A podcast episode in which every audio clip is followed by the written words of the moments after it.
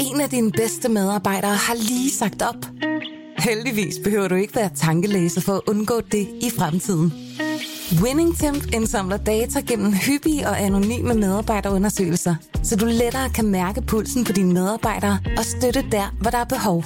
Kunder som Alfa Laval, Orkla og Volvo bruger allerede WinningTemp og ser, at det øger trivsel, reducerer turnover og hjælper med at fastholde talenter. Få gratis gennemgang allerede i dag på winningtemp.com. Velkommen til Morgenposten.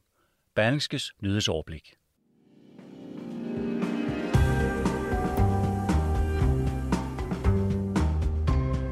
Straffen for svindel med coronahjælpepakker sænkes fra firedobbelt til dobbelt straf. Det sker på grund af mangel på plads i de danske fængsler. En stor gruppe studerende fra otte uddannelsesinstitutioner vil gøre oprør mod udflytningen af studiepladser fra storebyerne. Og så har den administrerende direktør i Mærsk Drilling fået en advarsel efter at have overfuset en underordnet. Godmorgen, det er fredag den 17. december. Mit navn er Mette Melgaard.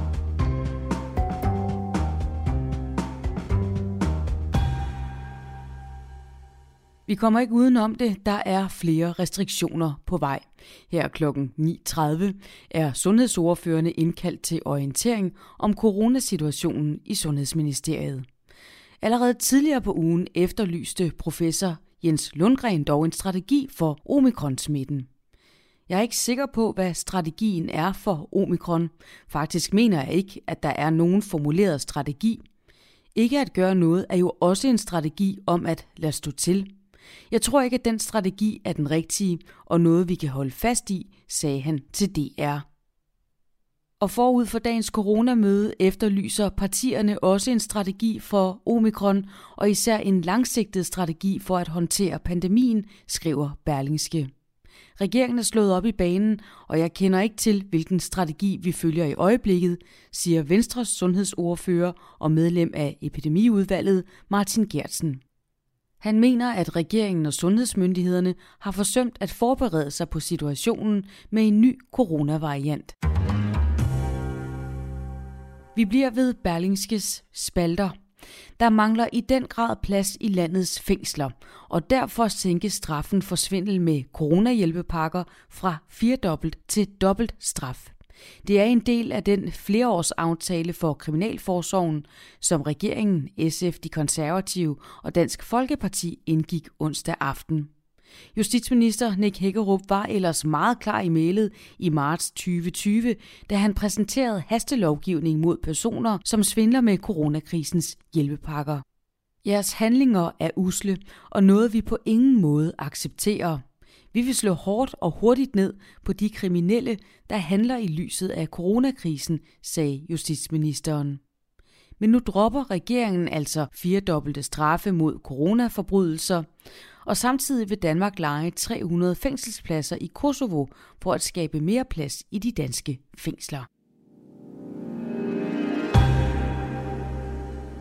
Politikken skriver om en gruppe studerende, der vil gøre oprør mod udflytningen af studiepladser fra storbyerne. Vi er studenteropgøret 22, skriver den store gruppe af studerende fra otte uddannelsesinstitutioner i et manifest. Underskriftsindsamlingen er lavet efter, at de videregående uddannelsesinstitutioner er blevet afkrævet en plan for, hvordan de vil reducere antallet af studiepladser med 10 procent i byerne. Oprøret blev startet på CBS, og det er ellers meget atypisk, at studerende på CBS er oprørske, lyder det i politikken. Vreden er større, end den har været i mange år, siger Camilla Gregersen, formand for den akademiske fagforening DM til avisen. Bestyrelsen i Mærsk Drilling har givet virksomhedens administrerende direktør Jørgen Madsen en advarsel. Det sker efter, at han overfusede en kvindelig underordnet og med hans egne ord tabte hovedet og talte alt for hårdt til medarbejderen, skriver Finans. Efter episoden indløb der ifølge Finans flere henvendelser til Mærsk Drillings whistleblower-ordning, som udløste en ekstern advokatundersøgelse. Og på den baggrund gav bestyrelsen Jørgen Madsen en advarsel. Det bekræfter bestyrelsesformand Claus Hemmingsen over for Finans. Den kvindelige medarbejder blev fyret få dage efter episoden, men Claus Hemmingsen afviser, at det hænger sammen med episoden. Vi skal videre til dagens lydhistorie fra Berlingske, som er en analyse fra avisens hovedstads- og indlandsredaktør Kasper Kro. Smitten stikker af, og nye restriktioner lurer. Skal København på ny lades i stikken, spørger han. København har været allerhårdest ramt under coronakrisen, og nu truer omikron-varianten og nye restriktioner som en hammer. Turismen, kulturen og hotellerne får det igen svært, advarer byens nye overborgmester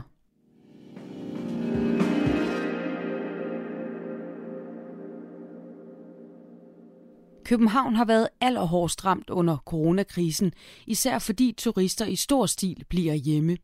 Dansk turismes indtjening er dykket med 51 milliarder kroner, og langt de fleste af de penge, cirka 40 milliarder kroner alene i 2020, er forsvundet fra hovedstadens butikker, hoteller og restauranter. Hvor antallet af turisters overnatninger på landsplan ligger 4% under niveauet for 2019, ligger det i hovedstaden hele 57% under.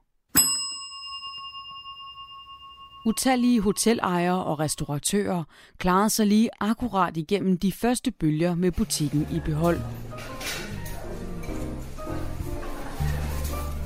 Efteråret tegnede lyst. Folk strømmede igen ud for at spise og gå i byen. Men nu sidder vi på ny med restriktioner, og nu også med en omikron-drevet coronabølge. De kommende måneder bliver derfor afgørende for turismen og alle dens afledte gavnlige effekter i København. Ser vi ind i endnu et år i krisens tegn, eller vender kineserne og amerikanerne så småt tilbage til den dyre ende af strøget? Lige nu ser det ikke for lyst ud.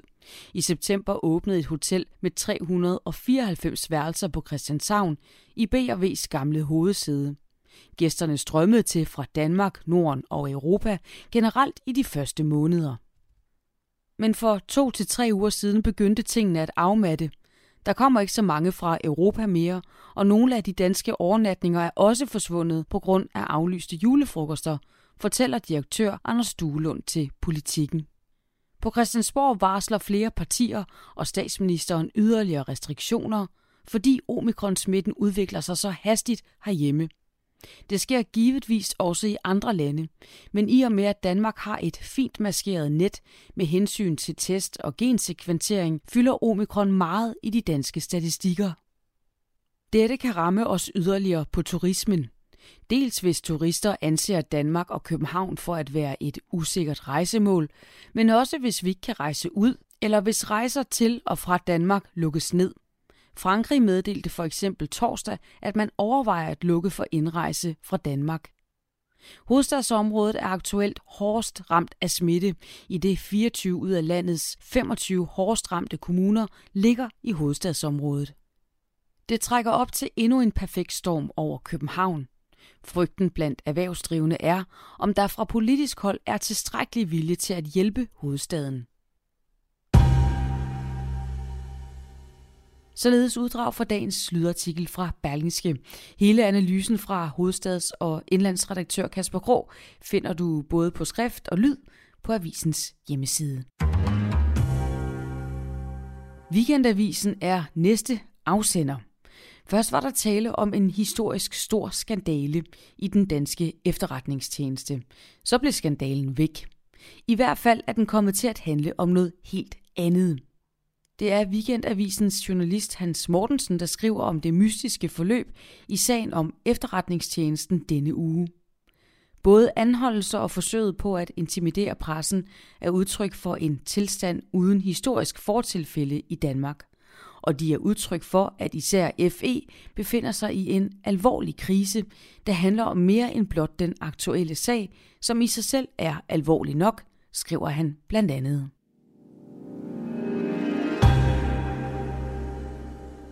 Stik imod nødråb fra erhvervslivet undlader regeringens ekspertgruppe at lægge op til, at virksomhederne skal have et såkaldt retskrav på erstatning og kompensation i tilfælde af fremtidige kriser.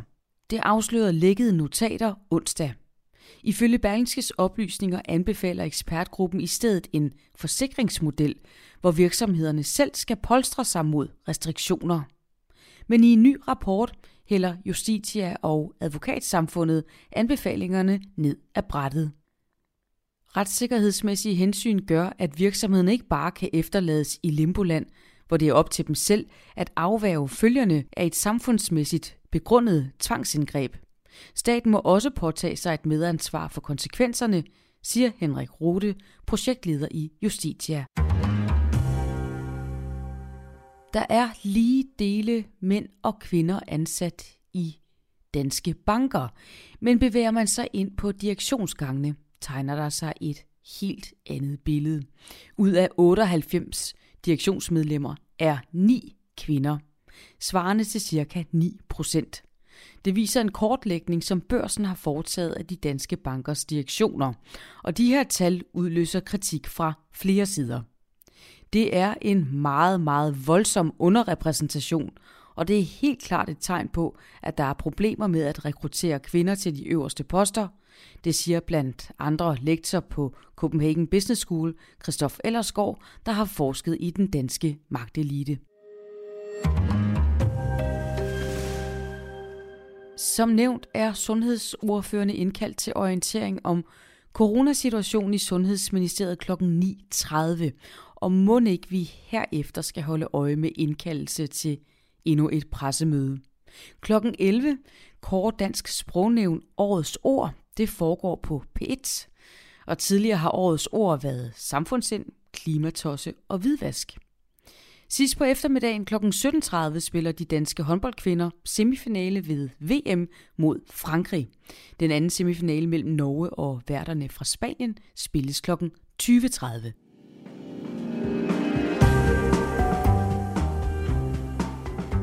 Morgenposten er naturligvis på banen igen i morgen tidlig, hvor Jon Kaldan er vært. Jeg hedder Mette Melgaard, og jeg vil ønske dig en rigtig god weekend.